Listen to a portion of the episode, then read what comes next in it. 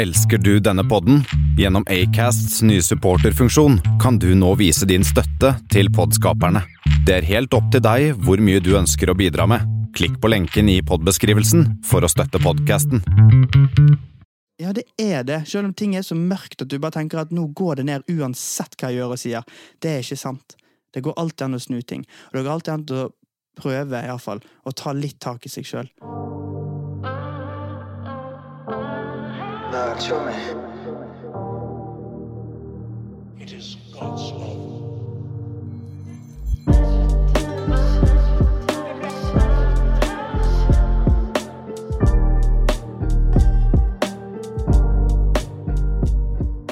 Hva Kedegori. i, dag har besøk av en ekte klimaflyktning, sånn som meg. En showmy som har et hjerte for Gud og ungdommer. Han er høylytt, energisk, humørspreder, og jeg føler meg rimelig sikker på at det lurer en liten ADHD-diagnose bak denne vakre fasaden som sitter for meg her. Showmyen har jobbet i mange år på Biltema, en jobb jeg tror han savner veldig mye der han stadig vekk bærte på store paller. Thomas Mr. Bamsemums er i dag aktiv som ungdomspastor i menigheten Bet på Bjobekk, hvor han bokstavelig talt gir alt for disse ungdommene. Et konfirmantarbeid som har vokst noe helt sinnssykt. Jeg er faktisk imponert. Eh, vi går rett på sak og sier velkommen til Bamsemums, aka Arendal sin egen versjon av Herman Flesvig. Oi, oi, oi. Bakken. Nei, men det var en fin introduksjon. Var det greit, det? Eh, Den fineste jeg har fått noen gang. Thomas, du, har du det fint, eller? Ja, jeg ble nesten litt rørt. Nei, men altså, Ja. vi skal ikke bare starte med en god gammeldags rap. Du er Ja. elsket. Jeg, eh, jeg er klar for det. Er Christo- Kristoffer Joner. Mørke skygger, tåkete himmel. Du må fortsette. Do på angst, jeg eh, føler meg svimmel. Hva det går i? Men du, velkommen, velkommen.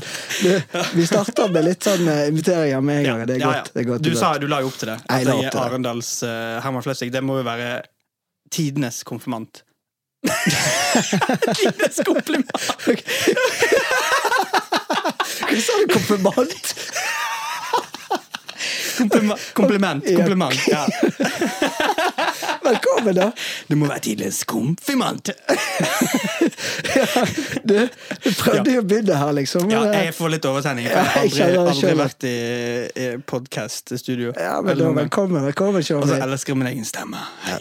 Ja, men hør, da. Ja. Nå har jeg kjent deg en stund og lagt merke til at du er ikke bare en rappkjeftet bergenser, men du er jo faktisk Apropos det med å imitere dialekter, så er du ganske, du er ganske dreven på det. Så nå kjører vi en liten test, oh, okay. hvor du skal imitere noen kjente personligheter fra Norge. Okay, okay. Vi begynner med Erna Solberg. Ja eh, um, Vi er inne i en periode der det vil være fint for meg, jeg og alle dere å ta vare på hverandre. Nei, det er dårlig gjort. Det er vanskelig. Men jeg er ikke så rå, men jeg er rå. Ja, Ja, apropos rå. Nå okay. skal vi inn i den dypere stemmen her. ok. okay. Jørn Hoel. Er det han, eh, han nordlendingen som Jeg så jo det programmet med eh, Med det her 16 dager Nei, 16 ukers. Så jeg driter i det. Jeg tar vanlig frokost. Jeg har vært og spilt hele natta. Jeg må ha vanlig frokost. Det skyr-ur-greiene, hva det heter for noe. Jeg må ha vanlig frokost. Jeg tar noen bacon og egg rett i magen. Han snakker ikke så fort! Ja, men Jørn altså, jeg er jo jeg er Du må være med altså, Jørn, Jørn Ja, han prater litt mer sånn som det her. Ja, det, ja. Nei, men det, altså, Jørn Hoel er jo ikke en del av min um, mitt liv, på en måte. Altså, Nei, jeg er for ung. Men ok, ja. Ja, vi, vi, vi, bare, vi må gå videre. Jeg tror vi må det. Jeg, jeg, jeg, jeg liker Nei. dialekter. Ja, men vi er ikke ferdig. Er vi ikke ferdig? Nei, nå skal vi over okay, til okay, du bergenser som eh, på en måte bor i Arendal, eller Fevik, da. Ikke sant? Men nå skal du eh, imitere en arendalitt. Nei, ok. Ja, Jo. ja jeg klarer det jeg. Ja, jeg har ikke navn. Du må bare være en arendalitt. Ja, ikke sant. Da velger jeg å gå for eh, Jeg tar en som jeg kjenner veldig godt. Han heter Runo Rino Ikke le, da. Em, hvis jeg skulle valgt sjøl, hvis jeg, skulle, hvis jeg skulle flytta, og noen hadde sagt til meg 'Thomas, hva vil du hete nå?' Så hadde jeg sagt 'Jeg vil hete Runo Bjerne Larsen'. Og hvis det er en Runo Bjerne Larsen der ute, så er det shout-out, for du har tidenes råeste navn. Men kan vi ta en liten pause der? Bare, altså Dette med navn og Ja. Det har fascinert meg siden jeg flyttet ned hit. da Ja. Og jeg har alltid tenkt at eh, Jeg har ikke tenkt så mye mer over det at det er bare navn, men eh, jeg har jo funnet ut at eh, Kim og, og, og eh, Ja, alle disse kule navnene, da, som jeg kaller dem. Eh, og, og ja, litt harry navnet, da. Uten å hive noen under bussen, da. Men, men de er jo i har vært innom fengsel, mange av de, da. ikke uten, uten, nei, men uten å være slem, men det, det er Ronny, Kimrin og Rune og alle de her, liksom. Ja. Så det, det har fascinert meg veldig mye. Men jeg- kan du ta mikrofonen litt nærmere? Enda nærmere Ja, fjeset mitt. der, ja. Sånn, ja. Sånn. sånn vi hører den fine stemmen din. Nei, men Jeg skjønner hva Nei, du mener med banker du byen. Vi må ikke Ja, ja. kaste noen under bussen her. For dette. Nei, nei, nei. Jeg er fascinert over navn. Jeg syns det er interessant. Jeg tror, jeg vet ikke, du, du, du, du kan ikke ta med noen ting av de navnene, egentlig. Men du, Tjommi, Ja. ja, vi går ja, nok innom Arda. Vi kan ikke gå så veldig inn i dybden på det. Nei, Vi skal snakke om så mange Ja, mørkeskygger og tåketøymer. Oi. Men Kjell Inge Røkke Vi har to igjen. Kjell Inge, han, eh, han er fra Molde. Prater sånn her, gjør han ikke det? Er er fra Molde? Ja. Jeg, jeg, jeg, vet ikke, jeg vet ikke helt hvor, eh, hvor jeg skal legge meg. For eh, ja, nå blir det sånn eh, Nei, jeg, vet- jeg vet ikke. Jeg driver skitten business, så ferdig snakka. Nei, jeg, vet ikke, men jeg, bare, jeg, jeg kjenner ikke han så veldig godt. Jeg, jeg merker at vi er jo Altså, Du er jo 40, og jeg er 30, og det er stor forskjell på det. Nei, jeg er jo 29 pluss. Jeg er 29 pluss. Ja, er du? Ja. Men, eh, nei, men, eh, nei, men jeg hiver meg ut i det. Jeg prøver. Ja, men så, ok, nå vekk fra norsk. Nå skal du være All right. Du vet Yeah, all right. All right. Ja. du vet jo ditt favorittlag, Ja, sant? Beckham. Nå skal, du, Beckham. eh, nå skal du ta noen strofer fra David Beckham. David Beckham. All right. Um, my name is David, and I played for Manchester United for quite quite a while, and uh, I have a really like a high high pitched voice. Uh, but my face looked pretty, my wife looked pretty, and my kids look definitely pretty, and uh, yeah, I'm happy with my life. Ok, Den jeg tror jeg vil si at det, vi kan runde av på den. Den var bra. Ja, den var sinnssykt bra. Dødsfornøyd. Terningkast seks, altså. Ja, men du, vi må vi går videre. Thomas, Thomas, Thomas. Du har jo ikke bare en sånn her uh, sprudlende side. Nei. Du er faktisk ungdomspastor. Ja. Jeg, Ja. jeg kan jo rette på det der og si at jeg er Eller jeg fikk tilbud om å ha liksom tittel ungdomspastor, men den har jeg egentlig aldri tatt. Så jeg, Hva tok du da? Pastor? Nei, Barne- og ungdomsarbeider, da. Ja. Ja, men det er jo Men om du kaller meg det, det er jo egentlig riktig, for det er det jeg gjør. Ja. eh, Og har gjort i mange år. Du er jo en preacher man, Ja. samtidig som du er en uh... Mye mer. ja litt forskjellig. Litt Som du sa i innledningen, at ja, hadde jeg blitt utreda, så hadde jeg slått ut på de fleste bokstaver, tror jeg. Det tror jeg òg. men ok. Men Ja. altså, jeg så ikke den komme for noen år tilbake, at du skulle ende opp som en eh, Jeg kaller deg for uh, ungdomspastor, jeg, altså. Ja, det kan du Den, godt. den så jeg ikke helt komme, Nei. når du eh, sendte snaps fra Biltema der du eh, bærte på disse palene og så dritfornøyd ut med livet ditt. Ja, men det var jeg jo ikke, da. Altså eh, Jeg tok fagbrevet, liksom, og det var det jeg ville. For jeg var lei av skolen, da. Fagbrev i paller. Nei, fagbrev i salg og service, da. Og da gikk jeg på Dalske, og så tok jeg to år som, eh, som lærling i Biltema i Arendal. Og så hadde jeg ett år på bibelskole eh, på Ansgar, og så var det Biltema igjen. Så jeg hadde liksom ikke Jeg har alltid vært i ungdomsarbeid, alltid vært med, med i menighet og sånn, men eh, de årene der var litt sånn diffus for meg, for det, jeg fant liksom ikke Jeg landet ikke helt, da. Men hva, hva som gjorde at du eh, endte opp med å få dette tilbudet? Nei, da, jeg var jo ferdig som sagt med lærlingtid og bibelskole, og alt det der, så jeg fikk jo en ganske grei jobb og jobbet 100% på Biltema i Kristiansand. Og det gjorde jeg i nesten eh, to år. Men det siste året der så, så syns jeg liksom at jeg synes ikke det var Tanken min var jo at hvis jeg, bare jobbe med, hvis jeg bare jobber med mennesker, ikke sant? for det liker jeg, liker å prate med mennesker, se mennesker, og tenkte liksom at innerst inne at ja, min tro er jo viktig, og den kan jo komme fram hvor som helst, bare jeg eh, viser mitt blide åsyn i kassen på Biltema, så kan jo det gjøre en forskjell. Men jeg syns ikke det var nok, så, så for meg så, så eller Jeg begynte å be. Så jeg ba hver dag, egentlig, i et år. For jeg var så lei av den jobben jeg hadde. Det var ikke det jeg ville, og jeg kjente et kall inni meg at jeg vil jobbe i menighet, jeg vil jobbe med ungdommer. Okay. Eh, og Hovedgrunnen til det er jo at hvis man jobber i menighet med ungdommer, så kan man gi dem det beste som er, og det er Jesus. Så, så andre plasser så er ikke det så enkelt. sant? Skal du jobbe på sykehuset eller jobbe med ungdommer på en helt annen måte, så, så har du ikke på en måte egentlig nesten lov til å snakke om tro eller sånne ting. Så for meg var det viktig å, å havne der, da. Men hva som gjør at du brenner nettopp for ungdommer, da? Og så egentlig, bare ta litt mikrofonen litt nærmere, eller stappe Ja. trynet litt nærmere. Ja, sånn. Sånn, ja. Ja. Flink gutt. Takk skal du ha. Vær så god. Glad i det jeg òg. Ok. Ja. Ja. Hvorfor er bandet for ungdommer? Ja, hva sier du eh, har den, det engasjementet der? Jeg vet ikke, men det kan henge sammen med at eh, for meg, da, å beholde min tro, da, eh, så var det livsviktig at jeg var i et ungdomsarbeid der jeg kunne se opp til noen. At noen brydde seg om meg. Og, og ba, ikke bare det at, eh, ikke det med tro òg, men det å skape trygghet og, og, og sikkerhet i seg sjøl.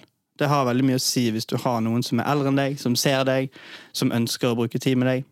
Det skal ikke så mye til. liksom. Det må jo ikke være sånn at uh, jeg skal be for deg, liksom.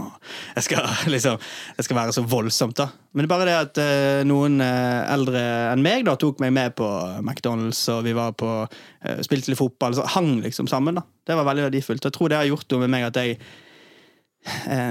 ja, brenner for det og har lyst til at eh, ungdommer skal få trygghet. Og du vet jo, 2022 det er ikke det samme som mm, 2010, bare. Altså, ting har skjedd veldig fort. og og da tror jeg eh, Gud har virkelig kalt meg, da.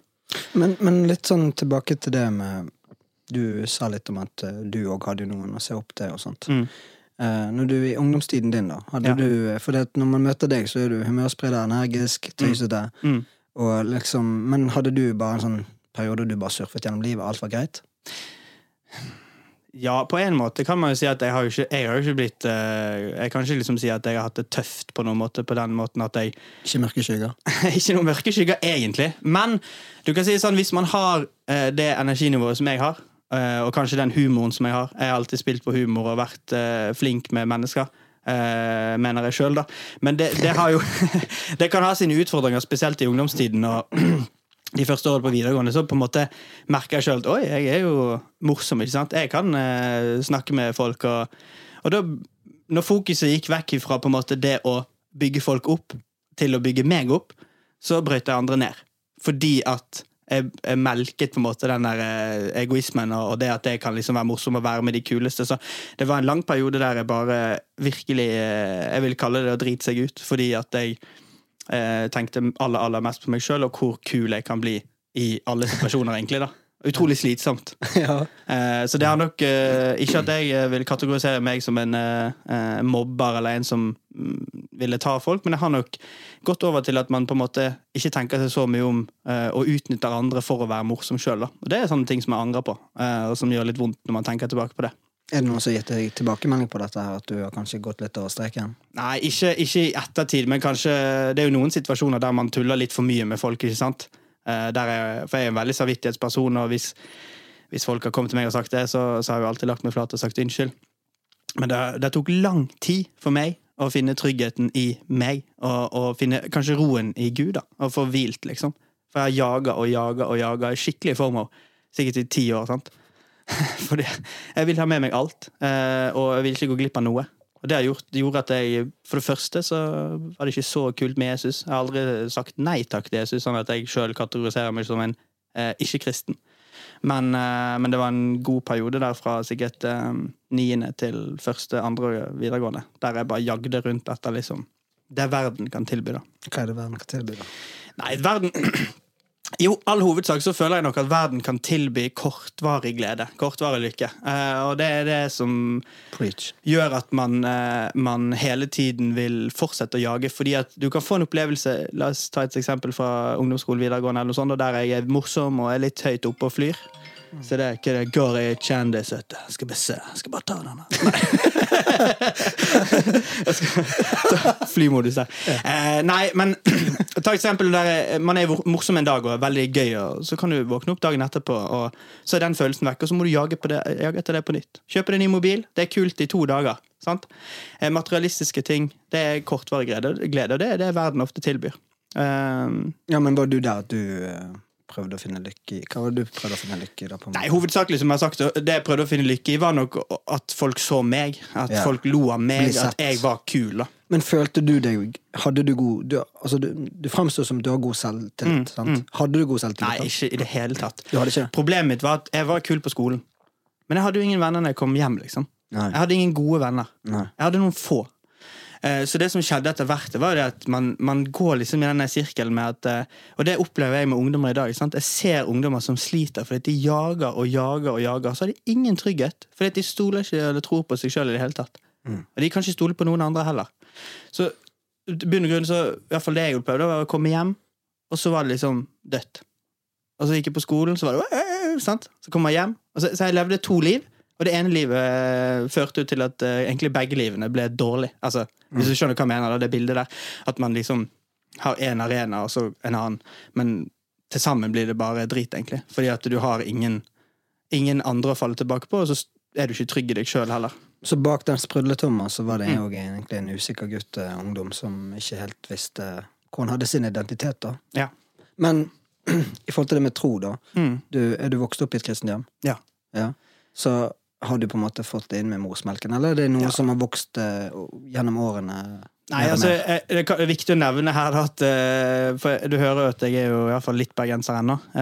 Og vi flyttet fra Bergen pga. en menighet som gikk i oppløsning, så vi var veldig aktive i hele familien, egentlig. Og, og da flyttet vi til Fevik. Kjente noen få der. Hadde vært der i pinsen året før, liksom. Så flytta vi dit, og da gikk jeg fra trygghet, trygge rammer, gode venner, kristen privatskole, ikke sant? Og så rett inn på ja, det går i gubben, Fevik-miljøet, og bretteskilter, og ikke sant, kjører traktor til skolen. Jeg tenkte bare, hva skjer, liksom?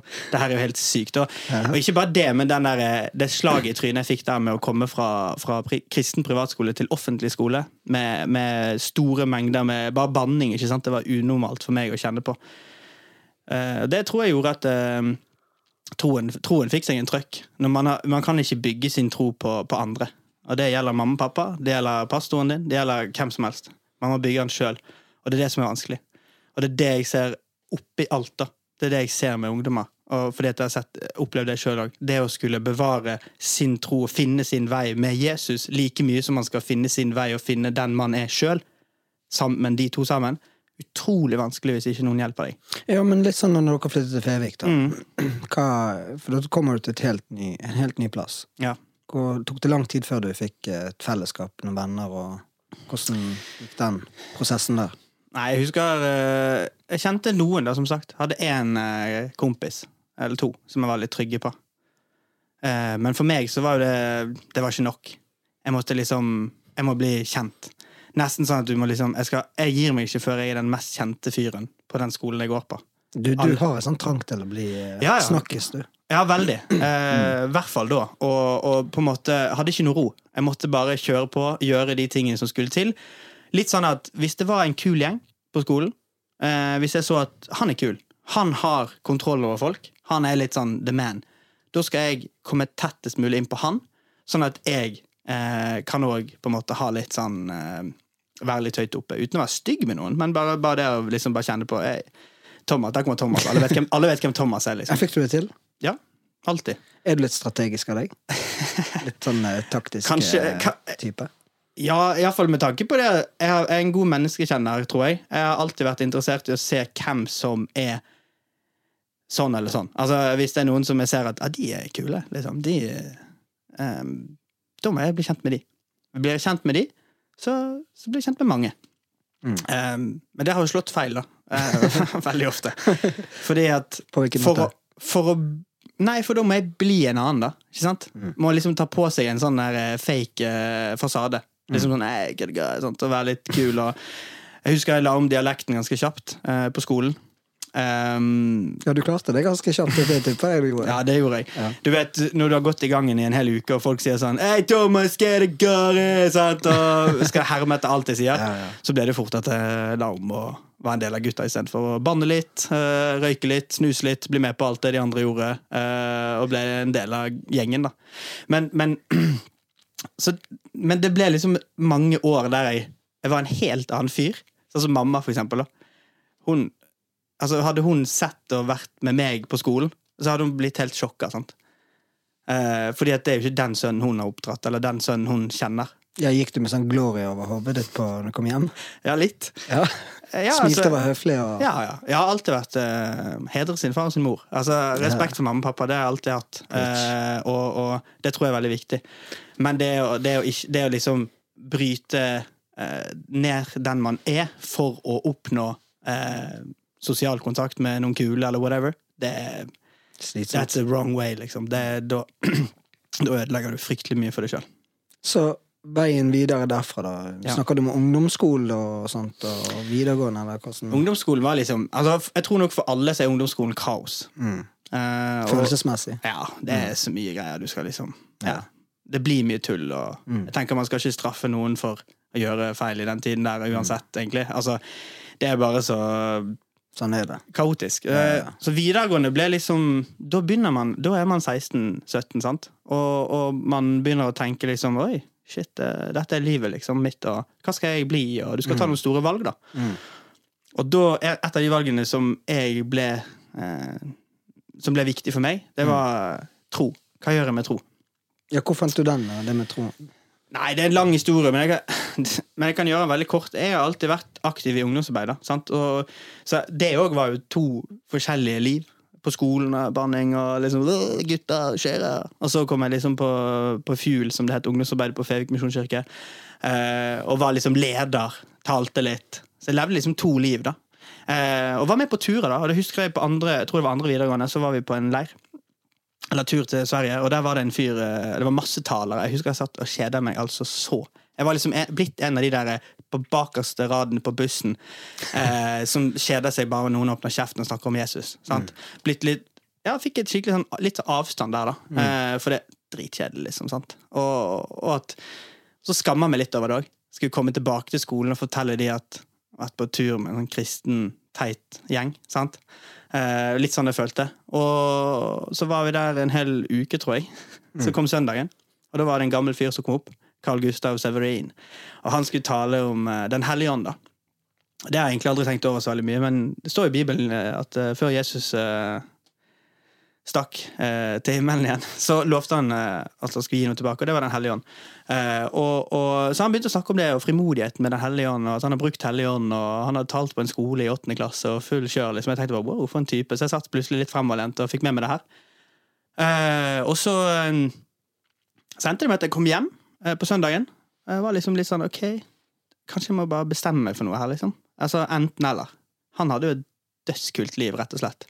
Og gjorde mange av de tingene som egentlig jeg har drømt om, som jeg har i hjertet mitt. at jeg vil jo vinne mennesker for Jesus. Jeg har lyst at, og ikke bare det, jeg har lyst til at mennesker skal få det best mulig mens vi er her på jorden. Og jeg tror det nærmeste man kan komme himmelen her på jorden, det er Jesus. Å ha et liv med Jesus. Så jeg fikk liksom litt den gnisten igjen, da.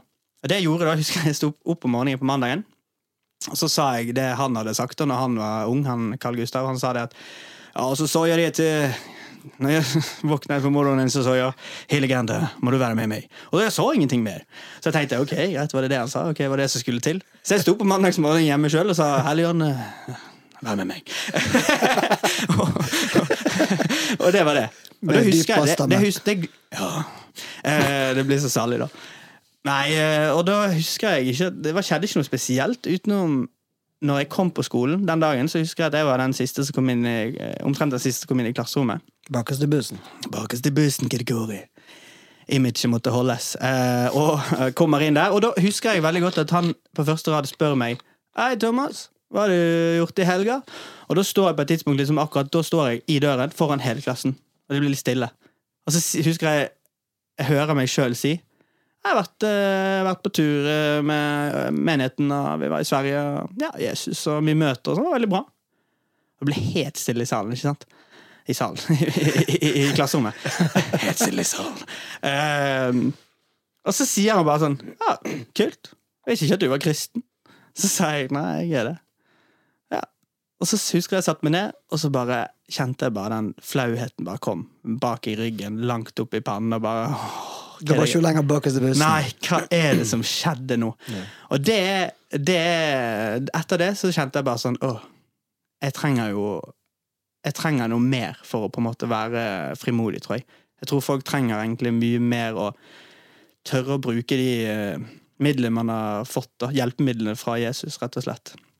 Så Helligånd har vært veldig viktig for meg, og, og jeg tror det er litt tabubelagt å snakke om den dag i dag. Vi trenger ikke begynne å snakke om masse om det, men, men vi, vi legger ofte lokk på mye av det som eh, er skattene i Men- Bibelen. Men litt sånn så Jeg har helt sikkert noen her som lytter på podkasten, som ikke har peiling på hva jeg vil si med Den hellige ånd. Ja, Det det, blir sånn, hva, hva er sånn kort oppsummert eh, fra ungdomspastoren her? Ja, jeg skal Når jeg skal hvert fall eh, forklare det på en god måte, så, så pleier jeg å si det at det er på en måte uh, erstatningen etter Jesus var ferdig her på jorden. Han har dødd på korset, han sto opp igjen, og så reiser han til, til himmelen. Og vi har jo påske, vi har Kristi himmelfart, og vi har pinse. Og dette er jo alle de tingene som markerer liksom Jesus, han dør, og så opp igjen. Og så får vi Den hellige ånd i gave. Disiplene fikk Den hellige ånd. Eh, Og det som skjedde med de, det som står i Bibelen, som skjedde med de, var at de fikk en enorm frimodighet. Altså, de, det brant liksom på innsiden av dem. Du snakker om en indre kraft, da. En indre kraft. Så det, det er på en måte Jesus i oss her på jorden. Selv om vi ikke ser han, selv om vi ikke kan kanskje alltid høre fysisk, ta fysisk, så er han med oss. Og jeg tror han er med oss ehm, gjennom det som vi kan kategorisere som Den hellige ånd. En eh, fryktelig god kompis, for å si det sånn. Men vi bruker det vel ja, en. Men det er jo det at folk, folk der ute eh, Folk i, i, i, Både kristne, ikke-kristne det, De har kanskje ikke hørt om Den hellige ånd i det hele tatt. Det er liksom Gud og Gud og Gud og Gud, og litt Jesus. Men Den hellige ånd har aldri snakket om, nesten. Men jeg tror det er veldig viktig. Jeg tror eh, Det å faktisk si det ut Altså Det ble helt Det var en sånn banebrytende greie for meg, I hvert fall. Mm. Plutselig så sto jeg der i klasserommet og sa ting som jeg egentlig hadde lyst til å si, som ikke jeg turte å si. Men vil du si at det var vendepunktet, da? Ja. Det det jeg, hvis noen spør meg når det var liksom, så er det andre klasse videregående. Okay. Der, der. Og det som skjedde da, det aller viktigste, det, det som jeg plutselig fant ut, det var at ok, det er ikke de 500 som er viktige for meg, personer på skolen eller whatever. Det er de tre Mm. som er eh, trygge i tro, for eksempel, som, som bryr seg om meg. Mm. Jeg, hadde jo på en måte kasta de litt under bussen, for å si det sånn. Jeg var jo bare med de som var kule. Kulest. Mm. Så går jeg de, og så sier jeg beklager at jeg har nedprioritert dere. Og sånn Og så sier de bare ja, men det går bra. Vi er venner, liksom. Og det er ekte venner. Mm. Sant? Folk som du faktisk sparker litt i trynet, men som allikevel reiser seg opp igjen og sier men du, jeg skjønner at du gjør det her av frustrasjon, ikke sant? men jeg er glad i deg. Mm. Altså, det er real deal uh, friends. Så hvis man, har, uh, hvis man har venner som er, man vet er gode, ta vare på dem. For de kommer til å være de som er viktigst til slutt. Vær en showme. Ja, virkelig. Enkelt og greit. Men så, så videre derfra, da, så gikk jo du og tok uh, fagbrev og Ja, da tok jeg fagbrevet, og da ble det sånn det sa jeg i sted, det var en sånn dødtid. Det var ingenting som skjedde. Jeg hadde jo hele min Altså når jeg var fem eller fire år, og mamma fortalte meg det, så sa jeg til mamma at når jeg så en predikant som talte og ba for folk, og det var liksom skikkelig bra møte, så sa jeg til mamma Jeg sa aldri at jeg skulle bli brannmann eller politi. Jeg sa jeg skal bli sånn. Sånn skal jeg bli. Så det her har ligget på en måte som et frø inni deg allerede fra tidlig barneårene? Jeg tror tydeligvis. 100 uansett hvor jeg har gått, uansett hva jeg har gjort, så har Gud alltid dratt meg tilbake til den planen han vil at jeg skal ha. Og hvordan fikk du den jobben, da? Hvordan Ja. fikk du det tilbudet? Det er et uh, vitnesbyrd i seg sjøl, fordi at eh, Jeg vet ikke, På det tidspunktet jeg var ferdig med bibelskole, og alt sånt, så var det liksom litt dødt. da. Jeg jobba på Biltema, kjeda meg, som sagt. Ba hver dag i en lang periode. Jeg søkte på en jobb eh, i Lillesand, fikk ikke den. Det var et samme type jobb, da, litt konfirmantarbeid, ungdomsarbeid. Fikk ikke den. Og da tenkte jeg liksom, Gud, hva er det med deg? Du kaller meg jo til dette. Du sier jo du legger det på meg at dette skal jeg gjøre. Var du mye frustrert? Veldig, veldig frustrert. Spesielt når du sendte snapsene fra når du bærte på paller. Ja, det, det må dere prøve, folkens. 17 paller oppå hverandre. Det, det, tar, det mye- krever sin mann. Hvor mye paller var det på en dag, da? av og til? Nei, det vet jeg ikke. 50-60 på det verste. Sant? Så det er jo liksom Ja. Nei da, men, men uansett så ba jeg. Jeg ga meg ikke. For jeg tenkte det at ok, hvis du vil det, så skal jeg være trofast. Jeg skal be. Eh, jeg var sint. Jeg sa hva er det med deg, liksom? For en dritt av og til. Altså, Man blir sint på Gud av og til, og det tror jeg er lov. Man skal Det er som et vennskap, uh, mye av det. Og det, det, da blir det ofte litt sinne. Men um, så ringte telefonen, da. Klokken ni på en uh, onsdag. Og det var På morgenen? på morgenen. Jeg våkna Yes. det, liksom. Og, God morgen og god stemning. ja. ja, det var Audun fra, som er menigheten her på Betel, ringte meg og sa du um, Det er Audun fra, fra, fra Betel, og lurte på om du ville komme over og prate litt om um, Sant? En jobb der og sånt. Så tenkte jeg på Hva i alle dager, hvem er dette, liksom? sant? Og jeg har aldri vært på Jeg tror jeg har vært innom her kanskje én gang i mitt liv, liksom. Betel og Bjorbekk og alt. Det var helt kjent for meg. Det var ikke så veldig først du tenkte på at her det er attraktivt å komme? nei, og det har jeg sagt de, og vi har tulla mye med det. Eh, og, og nei, altså Nei, det er greit, jeg kommer. Fikk eh, regebaguett fra Bako Jørgensen, og vi satt der, jeg og Jon David, som er pastoren her, og prata litt sammen, og de tenkte jeg bare jøsses, det her er jo så spesielt, liksom. Altså, her står jeg opp og skal på jobb på Biltema, eller skal jobbe kveld, liksom, og så ringer de, og så Ja, så sitter jeg og prater med de om en jobb som på en måte egentlig jeg drømmer om å ha. Mm. Men, eh, men så ble jeg tatt av redsel, da. Jeg tenkte at det her får ikke jeg til. Og Ok. det de, ja, liksom sånn Ble du Kjenner, ja, kjenner ingen der. Eh, utenom én person, som Synnøve, som har vært kanskje en av de viktigste for meg. Og, uh, hun traff jeg på Ansgar uh, når jeg bodde der, uh, og hun hadde tipset meg. da Bare ring Thomas, han er energisk type, liksom. Kanskje han har lyst. Mm. Så for å gjøre historien veldig kort, og så, så har jeg snakket med Synnøve seinere og funnet ut at hun ble jo Det ble lagt på hjertet hennes, liksom. Uh, at hun skulle si det. Men hun tenkte liksom Nei, Thomas, liksom. Nei, men så sa hun det, da. Ring han, liksom. Mm. Så ringte de meg, og det var helt spesielt. Jeg, de tilbød meg 20 stilling. Da hadde jeg 100% jeg var, altså jeg var 21 år og hadde eh, etasjesjefstilling i Biltema Kristiansand. Det er et- bygg på nesten 7000 kvadrat. Så på en måte Jeg hadde jo alt, alt lå til rette for at jeg kunne få en fin eh, vi kaller det, karriere i, i salg eller butikk. da Mm. Og så sier, tenker jeg 20 Jeg kan ikke gå fra dette til 20% på Bjorbekk, liksom.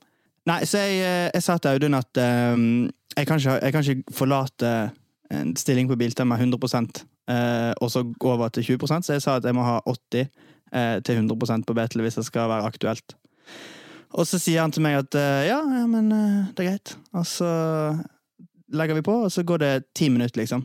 Ja, nå har jeg snakka med gjengen i styret i menigheten, og vi kan tilby 80% Det høres ut som de var rimelig desperate etter å få deg. Ti minutter.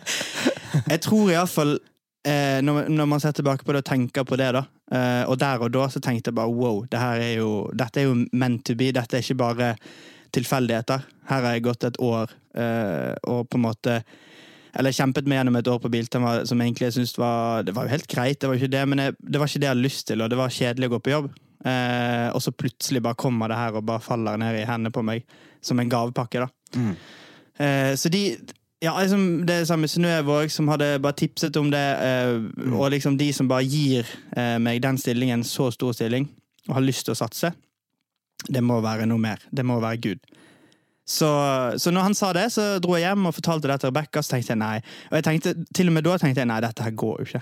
Jeg, eh, altså, jeg tror alle kjenner på det hvis man skal bytte jobb, eller om det er skole, eller whatever. Så er det sånn Man vil ikke det, for man vil ikke ut av en trygg ramme, som man kan.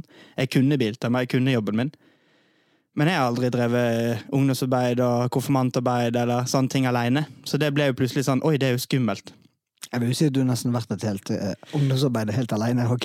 I all energien du utstråler. ja da, men på det tidspunktet der så var det liksom helt fjernt for meg å, skulle tenke hvordan ting skulle bli, og hvordan, ting, hvordan jeg skulle gjøre det. Og da blir man redd, så jeg sa til Rebekka at jeg, jeg, kan ikke, jeg kan ikke si ja til dette. her. Og så heldigvis så så ble Rebekka litt sur på meg, så sier hun nå har du bedt i et helt år, og du har snakket om eh, at ikke du vil jobbe der du jobber, og du vil ha denne jobben, og så skal du si nei. Nå ringer du, så sier du ja, og så sier du opp i morgen. Det er mannen med tøffel. Ja. Jeg vet hva, akkurat, jeg er utrolig glad for at uh, hun uh, sa det hun sa der. Og det var veldig, veldig, veldig Det kjentes veldig deilig, litt skummelt òg, å komme på kontoret og bare si du, jeg uh, slutter.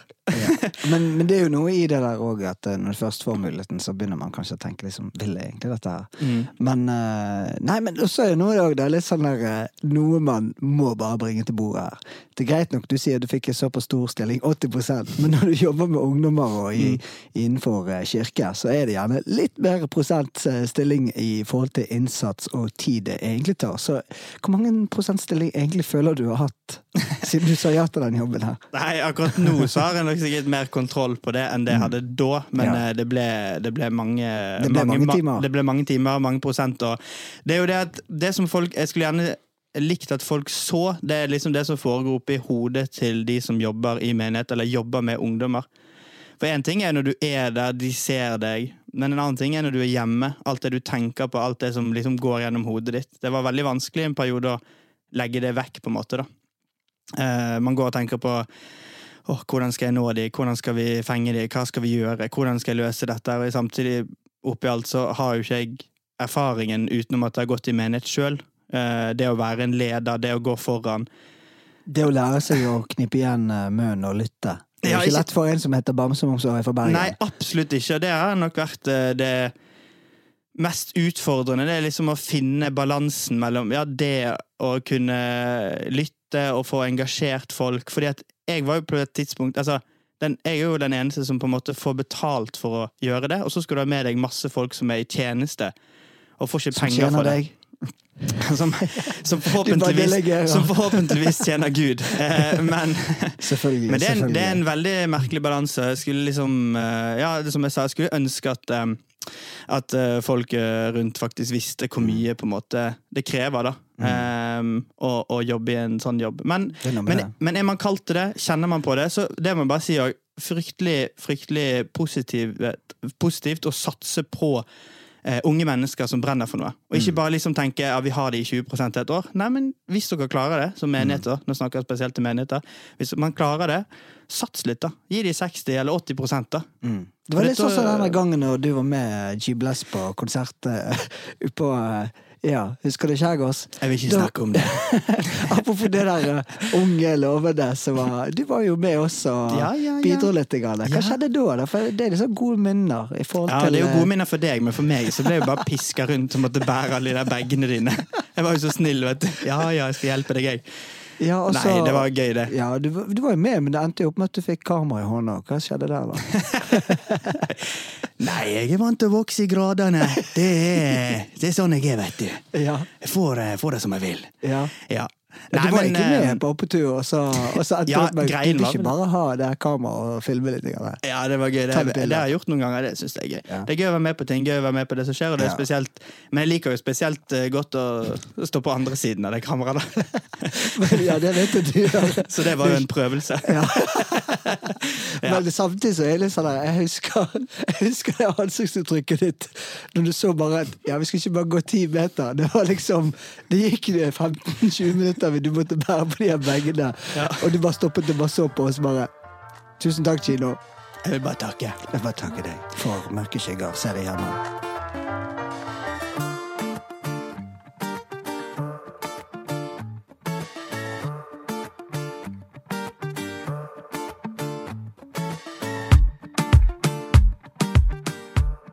Men tilbake igjen det her med Nå når du er engasjert eh, i dette her, og det er jo ikke til å legge skjul på at det er veldig mange ungdommer som har det utfordrende. Mm. det er, er det noe du har opplevd? For du har jo eh, Du er jo ikke bare engasjert inni dette bygget, men du har til og med stått deg inn på en russebuss for der du bestemte deg for at du skulle bli sjåfør. For en god gjeng som du kjente til fra konfirmanttiden. Ja. Så ja, var det en 30-årskrise som, eh, som rammet deg, eller var det rett og slett en, en hjerte for at eh, la meg bli med og ha det gøy? Eller, eller var det rett og slett en flukt fra, fra, fra hverdagen? Jeg, jeg tror sånn i, i alle tilfeller der man er småbarnspappa øh, og har det å stri med, så tror jeg de fleste vil takke nei til å komme klokken fem på kvelden og kjøre russebuss til fem på morgenen igjen. Den ser vi. Nei, altså eh, Bare for å ta det litt lenger tilbake, da. Så det her var en konfirmant som jeg hadde i første kullet mitt på Betel. Og det må jeg bare si det at det året jeg tok ja, stakk, det var 2015, så takka jeg ja til stillingen og begynte å jobbe der. Og da var det ingen konf konfirmanter som, liksom, som skulle være der. Var jo, altså, det, var, det her var jo 15. august, uh, og da er jo på en måte ting begynt nesten omtrent. da. Men så fikk jeg kara meg til noen uh, konfirmanter og, og sånn, og, og en av de, han Jeg kan vel egentlig si navnet hans, for det tror jeg han syns er bare koselig. Eh, Adrian heter han. En fantastisk fyr. Shout-out til Adrian. Shout-out til Adrian. Eh, og, og det var flere, men nå er det han som, er, som, er, som skal få litt fokus. Eh, nei, vi, vi traff han på fotballbanen på Asdal og ble kjent med han eh, litt gjennom der, og ungdomsarbeidet og sånn. Og så, så ble han konfirmanten min, og så gikk det jo mange år, da. Har vært i ungdomsarbeidet lenge, og det er god stemning. Og så ble han russ, da. Og da tenkte jeg liksom, OK, nå, eh, nå har jeg sjansen. Eh, for å være med ut med På dansen. ja. Men, men i, selvfølgelig med baktanke om at ok, eh, sykt fett å møte ungdommer som, eh, som jeg ikke har hatt noe med å gjøre um, med på lenge, da. Eh, på en helt annen arena. Og så tror jeg det er veldig, det er veldig sunt for oss som Nå snakker jeg spesielt kanskje for de som er kristne, og ikke liksom flykte fra det som på en måte er sånn en uting å gjøre, da. For det er jo klart at ja, mye av det som skjer i, i russetiden og måten de holder på, er jo ikke akkurat kanskje noe man eh, strever etter og har lyst til å gjøre sjøl.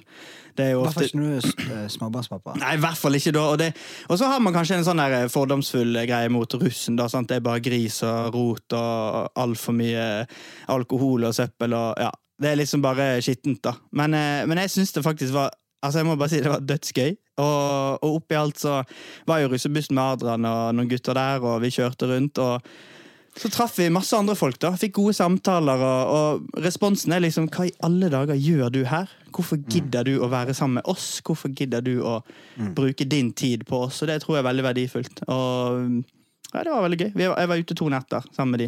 Ja, nei, Det var Eh, veldig gøy når dere vekket Isak her. Dere sto på eh, dunket med basten nedenfor eh, huset. Ja, det, Det- selvfølgelig. Klokka tre på natten. Så det var, det, tusen Men det kunne vært hvem som helst. Det kunne vært hvem som helst. Ja, Neida. Det, dere- det gikk veldig fint. Ja, du tok den. Ja, jeg tok den. Jeg tok den for laget. Ja, Det skal jo sies at du er jo nærmeste nabo til, til mitt fyrverkeri Er over her. Så det? det, jeg har jo litt hørt sånn. noe lyder derfra. Vet du. Det vil jeg tro. Det vil jeg tro. Ja. Men, men litt tilbake til det men, eh, når du var på russegreiene. Mm. du, du så, ja, det er jo ikke bare liksom alkohol. eh, En ser jo faktisk at det er et eh, Mm. stort rusproblem òg blant ungdommer. Veldig. Og da for eksempel kokain, ikke sant? Og Ja. litt andre ting som kanskje var i omløpet. Absolutt. Eh, traff jo på noen eh, kjente Eller mange kjente, egentlig, og noen av de var jo tydelig ruset på mer enn alkohol. Eh, og det gjorde meg litt sånn eh, Ja, det, det rørte meg ganske mye, egentlig. Altså sånn Jeg, jeg hadde nok ikke trodd at det var så ille. Eh, og når jeg sier så ille, så mener jeg at det var mange av de som tok eh, kokain hver dag gjennom russetiden. Men er det sånn at For det når man tenker russ, at det er Mm. god stemning, høy, partyfaktor. Men når du var der, fikk du litt sånn at folk kommer bort, og du får litt gode samtaler òg? Absolutt. At man går litt inn i dybden bak Ja. eh, denne her festen, da? Absolutt. Jeg kjenner jo, altså Har man kjennskap til de tidligere, så har de kanskje også et uh, godt forhold eller Mange av de har et godt forhold til meg. og mange av de hadde et ønske om at jeg skulle for eksempel, eh, ringe de, ring meg dagen etterpå. Eh, kan vi snakkes når jeg er edru, for eksempel, da. Og det setter jeg veldig pris på. da, Det gjorde jeg òg. Og det viser seg jo at eh, russetiden er jo blitt rett og slett for mye. Det er blitt for, det har gått for langt, rett og slett. Uh, Syns jeg, da.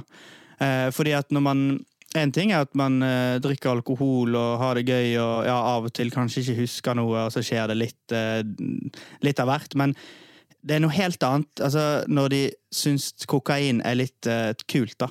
Eh, for det er jo blitt sånn at kokain det er liksom de som er litt eh, rike, da. Hvis du har det, da er, du, da er du velstående, på en måte. Og når det har kommet til det punktet, så tenker jeg at da har det, det har gått for langt. Det blir for galt. Det er ikke, det er ikke sånn det skal være.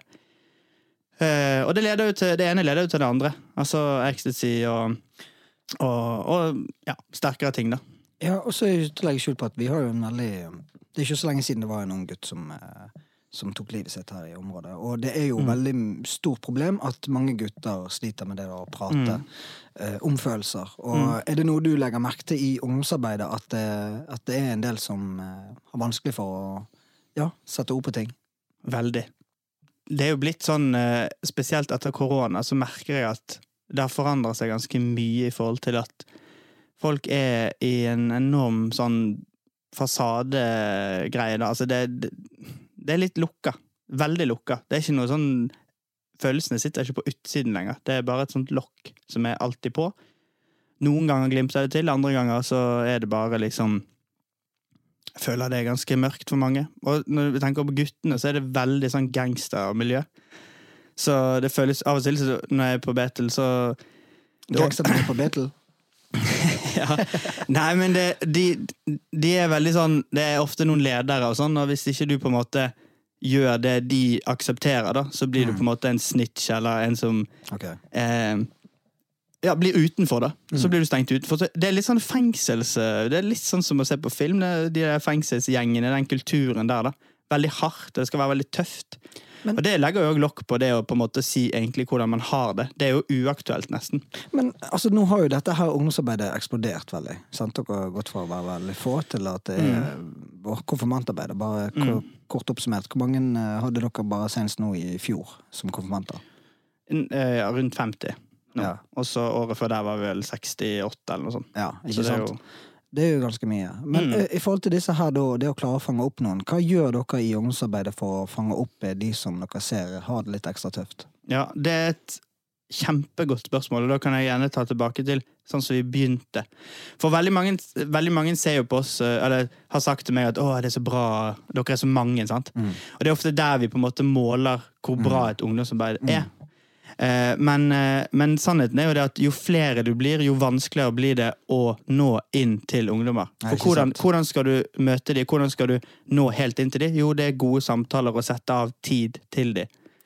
Men når vi på en måte blir eh, Vi begynte med Ja, som jeg sa, vi hadde, hadde ingen konfirmanter. Og de første konfirmantene, de iallfall nesten samtlige av de, eh, fikk jeg til Betel fordi at jeg møtte de på en annen arena enn Betel. Så jeg dro på fotballbanen mange lørdager på rad og var bort på Asdal her og spilte fotball med de, hang med de.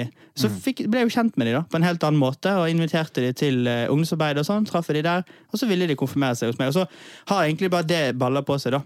Men hva som gjorde at du tok det steget der, da? For det er jo litt sånn I andre synet så kan jeg deg at jøss, henger med litt yngre enn seg sjøl, liksom. Sånn, har han Ja. Går det greit? Ja, ikke sant? Eh, nei, jeg har hatt noen seminarer eh, opp igjennom for andre ungdommer på for eksempel sånn ung lederskole og sånne ting, og mange lurer på hvordan er det du har gjort det her, hvordan er det du får så mange, liksom, da. Mm. Og jeg sier alltid, vet du hva, dere som er få, dere skal bare være så glad for at dere er få akkurat nå, at dere har kapasitet til å se de få dere har. Mm.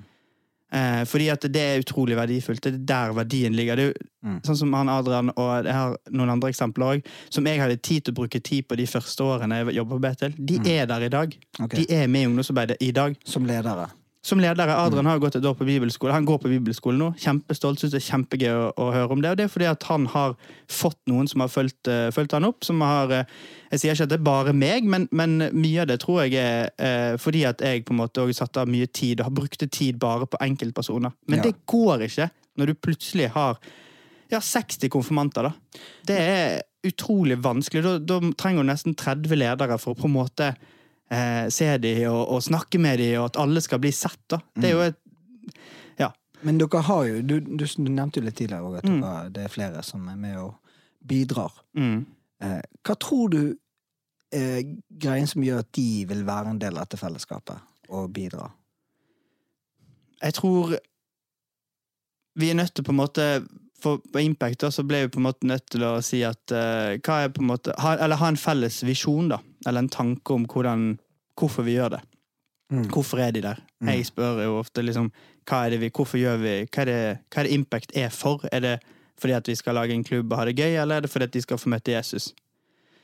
Eh, jeg tror nok, jeg håper iallfall at det er det, at eh, de lederne som er, at motivasjonen er at Jesus skal på hver tid, eller til enhver tid være i sentrum av det vi gjør. Og hvordan vi gjør det, det har jeg sagt at det er veldig enkelt. Vi må gå tilbake til sånn som vi begynte med der. Sånn som vi fikk ungdommene til å være her. Det å se dem, si hei til dem, se dem rett inn i øynene og spørre hvordan det går. Jeg tror ikke de er vant til det. Ungdommer i dag er veldig lite vant til det, og det kan være flere grunner til det. Men jeg tror òg at eh, foreldre i dag er, er mye mer eh, på jobb, eh, har mye å gjøre. Eh, og da blir på en måte ungdommene de blir kanskje ikke så mye sett lenger, eller de har ikke Og det, det, jeg sier det bare at det er ikke alltid lett heller for foreldre tror jeg, å snakke med ungdommene sine. Som jeg snakker om i sted, De er veldig lukka. Jeg tror de er lukka når de kommer hjem òg. Liksom, jeg tror de kan ha en helt forferdelig dag, men likevel komme hjem og si at ja, det var greit, det går fint. Ja, og så går de på rommet og gamer eller andre ting. Så det, og det har ikke blitt bedre, for å si det sånn, etter, eh, eh, etter korona. Så for, for oss er det veldig viktig at de lederne som er med, de som ønsker å være en del av dette arbeidet, har ett ting, en ting som er liksom det viktigste, og det er at når det kommer ungdommer til oss, så skal de få lov til å oppleve vennlighet. Okay. Uh, og de skal få oppleve at de blir sett. For det ville Jesus gjort. Men jeg føler på en måte at det, det, det, dere har en sånn greie da, at dere eh, de presser ikke på eh, ungdommer tro, men dere har fokus på vennlighet, Mm. eh, respekt, møte de. Uh, ja, inkludere de, da. Ja. Um, og eh, samtidig så har jeg sett òg veldig god på aktiviteter på en måte. For jeg ser jo av og til ute på eh, nede på plassen at det er fotball og det er basket og det ene og det andre. liksom. Mm, mm. Så eh, det er jo en eh, det, Jeg tenker jo det med lagidrett er jo noe som er med å knytte folk sammen. Absolutt. Og som du sa, da, det begynte med på fotballbanen. Mm. Og nå er det et ungdomsarbeid som eh, går Mm. flyter ganske bra.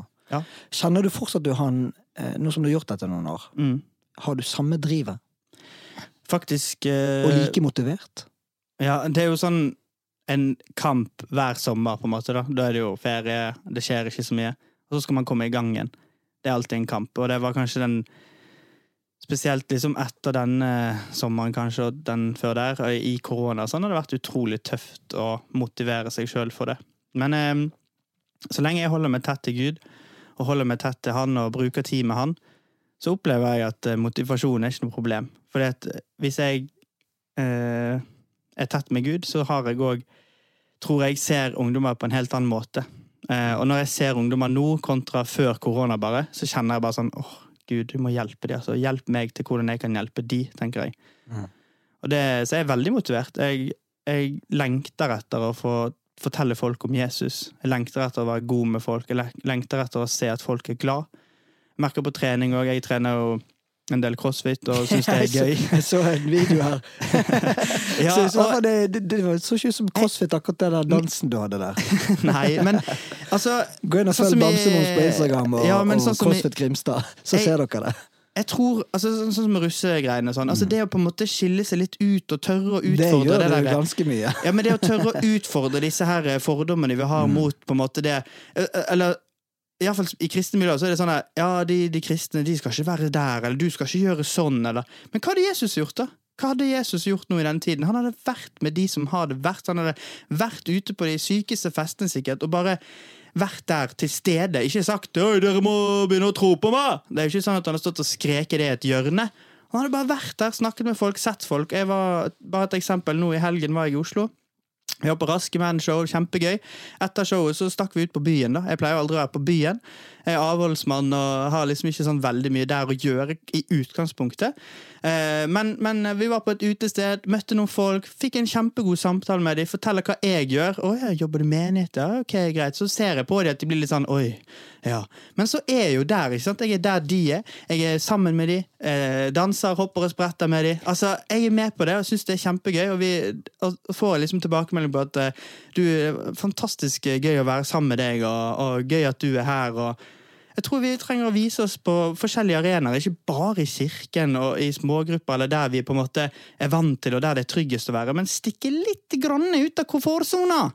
Det tror jeg vi har veldig godt av. Men ungdomspastoren, som jeg kaller deg, Ja. Thomas Hyggelig, takk skal du ha. Bamsemomsen, Ja. det handler ikke litt om det å det er litt sånn der, For de som ikke har en tro, ikke sant. Mm. det er litt at man, Jeg husker sjøl før jeg eh, ble en kristen. Jeg er ikke vokst opp i en kristen familie. Men det der at man føler at det er veldig mye må, må, må, bør, bør, bør, skal, skal, skal innenfor det når du har fått en tro. Eh, Men det er klart at det er jo en, man gir jo seg hen til noe, da. Eh, Noe større enn seg sjøl. Men i dette her så er det jo viktig å huske at du skal jo leve. Du skal jo bare være det sjøl. Ja. Forskjellen er at du, du tror på noe, og du etterstreber ved å prøve å leve ut ifra det som er veiviser, ut ifra Bibelen. Om du mm. ja, som en kristen som du er, og jeg er. Mm. Og, og det er litt det der i det der med at um, Jeg tror veldig mange går med høye skuldre. Vi er redd for å gjøre feil.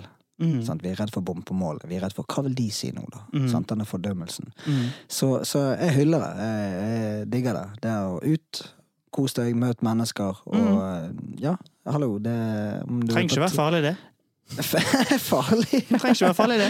Farlig, det er bare- møte, folk. Vi trenger å vise Altså, vi trenger mye mer å vise folk Jesus enn å fortelle dem hvordan de skal leve. Vi må- Hvordan vi viser må- du hvem Jesus er, da, Nei, Thomas? jeg viser Ok, det, det er noen viktige ting i Bibelen som vi er nødt til å bare ta fram oftere, tror jeg. Og det er det Jesus sier når fariseerne spør ham. hva er det som er det viktigste budet. Hva er det viktigste? Sant? De skal sette ham på plass, han skal svare. De regner med at dere skal svare 'ikke slå i hjel'. sant? Det må jo være det viktigste. At ikke vi dreper de rundt oss. Og jeg er helt enig, la oss ikke gjøre det, da. Du bor jo i Bankedubyen. ja, men liksom, ja. Men Jesus svarer, Jesus svarer at du skal elske Herren din Gud av hele ditt hjerte. Altså, Gud er viktig. men så sier han like viktig er det å elske sin neste som seg Ja, sjøl. Så i mitt liv nå så er det det som går igjen i hodet mitt. Ok, Greit, jeg må søke Gud, jeg må være sammen med Han. Jeg må holde meg tett til Han. Men like viktig er det at jeg også setter pris på den jeg er. Jeg er trygg på meg sjøl. Når jeg ser meg sjøl og tenker wow, jeg er skikkelig bra. Takk, Jesus, for denne dagen. Og så går jeg ut og griper dagen, og så er det kjempegøy. Så kommer jeg på CrossFit en dag, danser, herjer, spretter, og jeg, jeg driter liksom litt i hvordan jeg ser ut. Og med en gang man driter litt i det, så klarer man òg å vise wow, se på, se på Thomas, han er jo så bra, han er jo så gøy, og han må jo ha ADHD, kan de kanskje tenke, men, Ja, det og det kan godt være at jeg har, men, men liksom, jeg har det så, når jeg har det godt med Gud og godt med meg sjøl, så er det ingenting som kan stoppe meg. Og da, det å vise det til mennesker, det er jo klart at det gjør noe med folk. Det, da tenker folk at wow, det har jeg jo lyst på. Jeg har lyst til å ha det sånn. Men det er jo litt det der Nå kan du snakke om det, jeg har så lyst til å vise det, men det handler ikke bare som du sier egentlig her, da. Det er jo å være det sjøl. Listen. Det som er veldig viktig å forstå, det er at vi kan ikke eh, Hvis ikke vi er i, f- liksom, hvis ikke vi klarer å hvile sammen med Gud, hvis ikke det blir noe på en måte som er en del av oss, og vi bare hele tiden skal jage etter det som du sa, at vi burde lese Bibelen, vi burde be nå, nå burde du, sant? Men greia er det at hvis, hvis ikke vi er på en måte først er trygge på oss sjøl og hater egentlig den vi er og hvordan vi ser ut, utrolig vanskelig egentlig å leve livet generelt. da. Og, da, og det å på en måte ikke føle seg kanskje, Mange føler seg kanskje ikke verdig nok til å være sammen med O store Gud der oppe. Men sannheten er jo det at Gud sendte Jesus, han sendte sin sønn. Og Jesus han har dødd for oss, sånn at det er mulig for meg og deg. Og alltid, uavhengig av hva vi gjør, uavhengig av hva vi har sagt den dag i dag, eller hva vi kommer til å si i morgen, uavhengig av det, så kan vi komme til Gud med alt mulig. Og vi kan hvile hos han. Jeg vil bare få det fram en gang for alle. Folkens, det er lov å hvile i Gud. Lov å ha det litt chill sammen med Jesus. Det er ikke alltid man må liksom skrike, be, lese alt mulig, men bare hvile litt. Få lyst til å være sammen med Jesus. Finn lysten. For hvis ikke man finner lysten, så blir alt bare sånn må og et jag. Men det er jo veldig vanskelig for de som ikke har en tro i det hele tatt. Ja, det kan jeg skjønne. Men da er det vi som, vi som tror, da. Vi som tror, vi må vise Jesus på en god måte. Vi må slutte å komme med pekefingeren i alle situasjoner. Vi må slutte å si 'ja, men da trenger du bare Se her, herre Matteus, bare les det, så skjønner du'.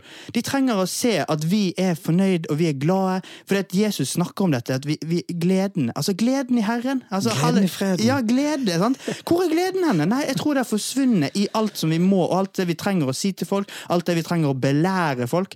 Altså, vi er nødt til å begynne helt seriøst. Vi er nødt til å begynne å gå til Jesus og si Jesus, hva vil du med meg? Hvordan vil du jeg skal leve? Hva vil du jeg skal si? Jesus sier til og med til disiplene sine at dere skal ikke være redde for noen ting. Og når dere, tror, når dere, blir, dere skal ikke være redde for hva dere skal si, for jeg skal hjelpe dere med det. No stress, liksom. Så vi må slutte å hele tiden tenke at 'jeg vet hva det rette svaret er', og jeg skal fortelle det til de rundt meg, koste hva det koste vil. Spør heller Jesus hvordan du kan nå mennesker, hvordan du kan fortelle dem det på en god måte, hvordan du kan leve og vise folk hva er bra med Jesus, liksom? Hva er det som er så bra med han, da? Ja, men ta bare innspill her nå, men altså, så, ok, sånn som du nå, som eh, nå er du eh, Nå er det høyt oppe, du har bra energi, og du er Ja, fornøyd. hatt det sant? Hatt en god helg, og Ja, ja, ting er på stell. Ja. Men ok, med de som da har det litt tøft, Mm. hva, hva, liksom, hva gjør man da? Ja, hva gjør man? Jeg tror veldig mange som har det tøft, har det veldig tøft i utgangspunktet med seg sjøl. Altså, det vil si at de har, de har et dårlig utgangspunkt for at dagene skal bli bra. Det vil si at man står opp, og så tenker man 'jeg er en dritt'. Man ser seg sjøl i speilet og tenker 'jeg er ikke fin nok', 'jeg er ikke bra nok'. Det er kanskje det som skaper størst avstand mellom oss og Jesus. Litt det som jeg snakket om i sted. Hvis man hater seg sjøl, så tror jeg òg man har et fryktelig problem med å komme til Jesus og si 'Hei, har du lyst til å være med meg?' Fordi du har ikke lyst til å være med deg sjøl engang. Da blir livet litt Jeg tror det blir fryktelig tøft for mange. Jeg tror det er det som ofte er utgangs... Jeg si, jeg skal ikke være en sånn som har rett i alt eller vet alt, men jeg vet og jeg har sett ungdommer opp igjennom med en gang de mister troen på seg sjøl, så blir det mørkt. Det går ned en rullegardin. Og veien til Jesus, veien til venner, veien, veien i livet blir mørk fordi at utgangspunktet er at de misliker seg sjøl sterkt. Men da, du sier Og det hva her gjør med- man da? Jo, men ja, hva gjør man da? Ja, hva gjør man da? Jeg tror Listen. Jeg tror. Hvis det begynte en dag La oss si jeg har det bra nå. Jeg har det veldig bra i livet mitt. Men i morgen så kan det komme en tanke inn i hodet mitt som sier Thomas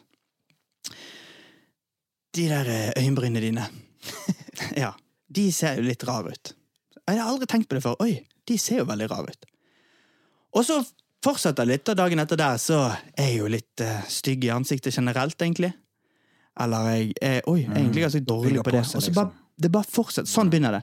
Og til slutt, etter kanskje det kan bare gå en uke, så tror du at du er stygg. Mm. Og hvordan havner du der? Jo, det var fordi én løgn kom inn, og du trodde på den løgnen. Du fôrer deg med bare Ja. mer og mer negative tanker. Så sier jeg til ungdommer, jeg sier til de rundt meg, jeg har sagt det til min kone, jeg har sagt det til meg sjøl, jeg sier det til alle. Hvis det er det som gjorde at du havnet der du er nå, så må du snu skuten, og så må du begynne å fortelle deg sjøl det som du føler er løgn. For eksempel at jeg hadde fortalt meg sjøl 'jeg er fin'. Og så kjenner jeg bare nei, det tror jeg ikke på. Det er ekkelt å bare si det. Ja, men så si det. Og si det helt til du faktisk begynner å kjenne at wow, ja, men jeg er faktisk fin. Fordi at Jesus og Gud og disse tingene her, de Altså, Gud er vår far. Han ønsker å fortelle oss at vi er bra nok som vi er. Vi er fantastiske. Vi ser dødsbra ut. Du er helt fantastisk. Du er herlig. Men de tingene hører vi ikke fordi vi har stengt kanalene. Så derfor er vi nødt til å begynne sjøl i oss sjøl å si 'jeg er fin', 'jeg er bra nok', 'wow, jeg ser, jeg ser jo faktisk bra ut'. Og så plutselig så legger du merke til at 'jeg er faktisk veldig god til å snakke med folk', eller 'jeg er faktisk veldig god til å tegne', jeg burde kanskje gjøre det mer', og, eller 'jeg er veldig god til å gi komplimenter', ja, gjør det mer, da. Ja, wow, så finner du ut at du er jo god på ting. Du er jo skapt til å gjøre noe bra, du òg. Men Skapt til å skape. ja, så eh, her blir jeg skikkelig engasjert. Fordi at jeg kjenner at dette er noe som Det er ikke Veldig mange sier ja, han er, det er håp, håp er ute for han eller hun. Men det er aldri det. Det er alltid håp. Det er alltid håp. Så Så- lenge det er liv, så er det faktisk alltid håp. Ja, det er det. Selv om Mm. ting er så mørkt at du bare tenker at nå går det ned uansett hva jeg gjør og sier. Det er ikke sant. Det går alltid an å snu ting. Og det går alltid an å prøve i hvert fall, å ta litt tak i seg sjøl. Og én ting til. Vær nå flink til å si ting til andre. Si, om det er bare sånne små ting, bare si det til folk. Jeg har opplevd, aldri opplevd at det er negativt å si til noen at jeg har det skikkelig vanskelig. Og jeg, av og til så griner jeg i bilen på vei til trening. Noen dager er tøffe, noen dager blir vanskelige. Men få det nå ut, da. Og si det til noen. Si at det er litt tøft i dag. Det hjelper alltid. Ja, det er det. Det er Ja. å si det. Men de Det enkle litt- tingene blir vanskelig når man er Ja, når det går for langt, rett og slett. Ja, det er noe med det. Ja. Men, to, men videre da, Thomas. Mm.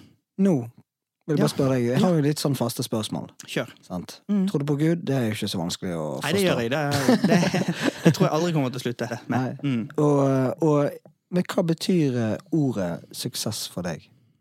Ja, det var det som vi var inne på nå i sted. Suksess, det kan for mange være ofte at det havner på penger eller business eller whatever. Men for meg så er suksess det når du har det godt med deg sjøl og har det godt med Gud. Mm. For når du kombinerer de to tingene som Jesus snakker om, elske Herren Gud og elske de neste som seg sjøl, det handler mye om deg, det handler mye om Gud, men det handler òg om det at hvis du klarer å kombinere elske deg sjøl og elske Gud, så klarer du å elske hvem som helst rundt deg òg. Ja. Hva betyr det for å være en chommy for deg? En chommy for meg er Ja, det kan være så mangt, men jeg tror det handler òg om dette igjen. At hvis jeg, hvis jeg klarer den suksessen da, med å være trygg i meg sjøl og trygg i Gud, så klarer jeg òg å være en god chommy, og det er å se mennesker uten å fordømme dem. Mm. Jeg tror det er veldig viktig at folk må skjønne det at folkens, vi er syndere og drittfolk hele gjengen. Ja, men vi gjør feil, og vi gjør feil hele tiden. Vi sier feil ting. Vi er stygge med hverandre av og til. Altså, Vi er, vi er, vi er feilaktige hele gjengen. Så vi har ingen rett til å komme og peke på folk og si at han er sånn og sånn og sånn. Eh, Se spikeren i ditt eget øye. ja, ja, rett og slett. Rett og Altså, vi, eller flisen. Eh, som dog er. Jeg sa spikeren. Så spikeren som står rett Ja, det øyet hørtes ikke godt ut. Nei, det er ikke godt.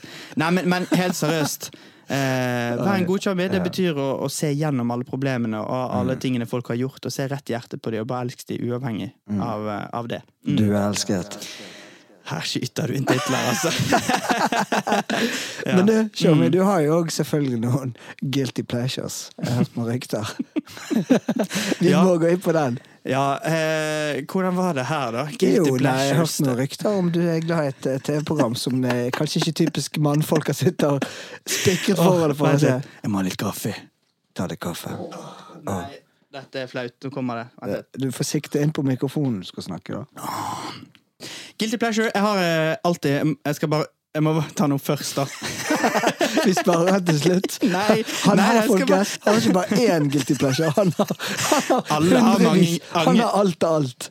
Alle har mange guilty pleasures, yeah. men en ting som jeg syns er veldig gøy, det er å se på TV-programmer med sånn dating og, og sånne ting. For jeg elsker å se mennesker feile. Nei da. Jeg elsker nei, Han da, har den preken her nå, så kommer det her. nei, nei, nei. Hele mitt liv Litt nærmere mikrofonen. Hele mitt liv. Jeg må bare si det. Hele mitt liv Så har mamma alltid Hvis vi har vært ute på ting, eller mamma og pappa har alltid sånn 'Thomas, kommer du?' Så står jeg og ser på andre mennesker, hvordan de er, hvordan de opplever øh, Hvordan de tar ting til seg, hvordan de snakker med andre. Jeg Alt sånn er interessant. Så på Netflix er det en sånn serie der der de skal date hverandre i, i sånn to forskjellige rom med en vegg imellom, så de ser hverandre ikke. Og så skal de fri til hverandre hvis de vil det, da. Og så, og så møt, ser de hverandre første gang, og så er det bare masse sånn 'Å, hei, der var du, ja, sånn ser du ut'. Da koser jeg meg, altså. Så da, da blir jeg sånn Ja, ja! Lurer på hvordan det skal gå, fordi det går jo som oftest dårlig. Da, for ingen kan jo Eller jeg skal ikke si ingen, men veldig ofte så går det dårlig fordi at Fordi at de ser hverandre og så bare 'Å ja, ja, sånn var du, ja. Ja, får bare prøve, da'. Nei da, jeg syns, ja, jeg syns det, det syns jeg er gøy. Ja. Jeg husker ikke hva det het. Altså, sjekk det ut på Netflix. ja. Ok, du har flere guilty pleasures, har ikke du det? da? Nei, jeg, jeg, jeg Bring it on. ikke ting jeg kommer på Nei, det akkurat går bra, det. Vi, vi, vi, vi hopper syns det holder, jeg. Du, Mm. tips til de som ønsker å gjøre en forskjell for Mm. andre. Oh, Om det er ungdomsarbeid, eller om det er rett og slett bare det å gjøre en, en forskjell. mm.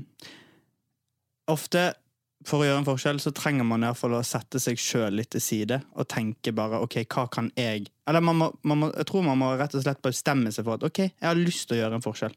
Hvis ikke man har lyst til å gjøre en forskjell i utgangspunktet, så er det veldig vanskelig å få det til. For ofte er vi veldig egoister. Vi tenker ofte på oss sjøl og hvilke utfall ting har for oss. Men hvis man klarer å stå opp om morgenen, jeg pleier iallfall å gjøre det, så sier jeg kan jeg gjerne si til Jesus, da sier jeg at um, Jesus, du, du må bare bruke meg i dag. Eh, og, og på hvilken måte, det bestemmer du.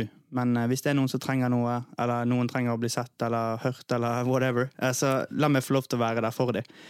Ehm, ofte er det bare små ting, altså. Ehm, som et hei, et kompliment. Hvis man kjenner på det, ikke, ikke vær feig og tenke at åh, det er flaut hvis jeg sier det. Hvis man kjenner at jeg skal si til han at, eller hun eh, har fin du var på håret i dag, eller oi, har du klippet deg? sant? Altså, det, det, det, det gjør folk utrolig mye mer glad enn det vi tenker oss. Vi vi I Norge spesielt er er veldig lukka folk. Vi snakker ikke så mye til fremmede spesielt, eller folk vi ikke kjenner så godt. De snakker vi bare ikke til. Og det er mye av det, det er, bryt, bryt den der litt, da. Og så heller liksom si det du kjenner og tenker inn at du har lyst til å si til folk. For det tror jeg vil være til oppbyggelse. Mm. Og til slutt, da. Det er jo jeg har jo fått tilbakemeldinger. tilbakemelding. Er, altså, det er jo veldig mange forskjellige typer folk som eh, lytter på denne podkasten. Ikke sant? Se der, nå mister du headsetet! Bare ta headsetet på igjen! Ja. Ja. Det er veldig mange forskjellige som hører på podkasten, sa du? men uh, nå er jo du mest sannsynlig kanskje noen her som hører denne episoden, som overhodet ikke har en tro. Hallo! Hva var det for noe? Jeg sa hallo til de som ikke har en tro. Og, og litt sånn her at For det kan jo høres helt vilt ut. Altså, du nevner jo Jesus veldig mange ganger. Åh, ja, Og, gjør det. og, og, og det er litt sånn her eh, For Unnskyld. noen her Nei, det er ikke noe unnskyld, for du er jo deg. sant? det er jo bra at du er 100 deg sjøl. Ja. Eh, på hvilken måte tenker du at eh, Altså, hvordan kan folk eh, på en måte finne veien til tro? Ok, la meg ta et eksempel. Det er veldig mange som er sånn Å, uh, oh, den her er nye Grandiosaen. Den, uh, den har ikke jeg smakt ennå, men den tror jeg smaker dritt, altså. For det var noen som sa at den smakte dritt, og da vil ikke jeg smake den. Og sånn er det litt med tro òg. Ja, det var en som sa noe sånn syke greier til meg. Jeg følte meg så fordømt, og det der kommer jeg aldri til å teste ut. Jesus må testes ut sjøl. Man må oppleve han sjøl, man må ta et valg om det sjøl. Hvis du har lyst til å tro på Jesus og lyst til å finne ut uh, hvem han er, så ta og så lukker du øynene dine, eller sitt hjemme der du er, eller hvor enn du er akkurat nå. Så kan du bare si sånn som det. Ok, Jesus, hvis du, uh, hvis du er der, hvis du fins, hva kan du gjøre for meg? Jeg har lyst til å tro på deg hvis du kan gjøre noe godt for meg. Og Jesus kan gjøre noe godt for oss. Men da er vi nødt til å ville det sjøl. Jeg tror ikke vi skal, og det har jeg lyst til å si også, vi kan ikke eh, liksom ta utgangspunkt i andre mennesker, hvordan Jesus er. For mennesker vil alltid skuffe oss. Mennesker vil alltid være vil ikke alltid være politisk, nei, pålitelige. De vil ikke alltid eh, stille opp for deg alltid. Men Jesus må du virkelig finne veien med sjøl. Ikke ta det utgangspunkt i noe noe har sagt til deg. Ikke ta det i utgangspunkt i noe du har sett på TV, eller ting du hører. Fordi at det finnes så mange jeg må si det rett ut, at det finnes mange dårlige kristne der ute, hvis det er lov å si, uten å være for fordomsfull eller feil. Men det finnes mange som har misforstått i hvert fall noen ting, eh, der man tror at man har så rett at man kan bare liksom si hva som helst om alle andre.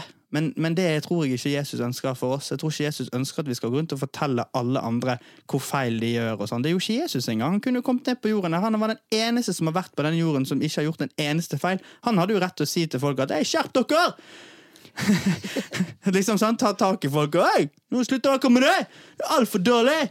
Snuser du? Røyker du? Æsj! Slutt med det!' Sant? Han sa aldri sånne ting. ikke sant? Han, han var der med mennesker. Han elsket mennesker. Og han viste dem en kjærlighet som ingen andre har vist noen. For det at han Altså, ja, han var rein, liksom. Og, og han er der den samme i dag. Og Det kan være vanskelig å forstå, men derfor sier jeg en, ok, men hvis du syns det er vanskelig å forstå, så må du nesten ta oss og prøve det. Du vet ikke hvordan det smaker før du har prøvd det, rett og slett, som jeg sier. Det, okay, Grandiosa. Grandiosa! Denne sendingen er sponset av Grandiosa.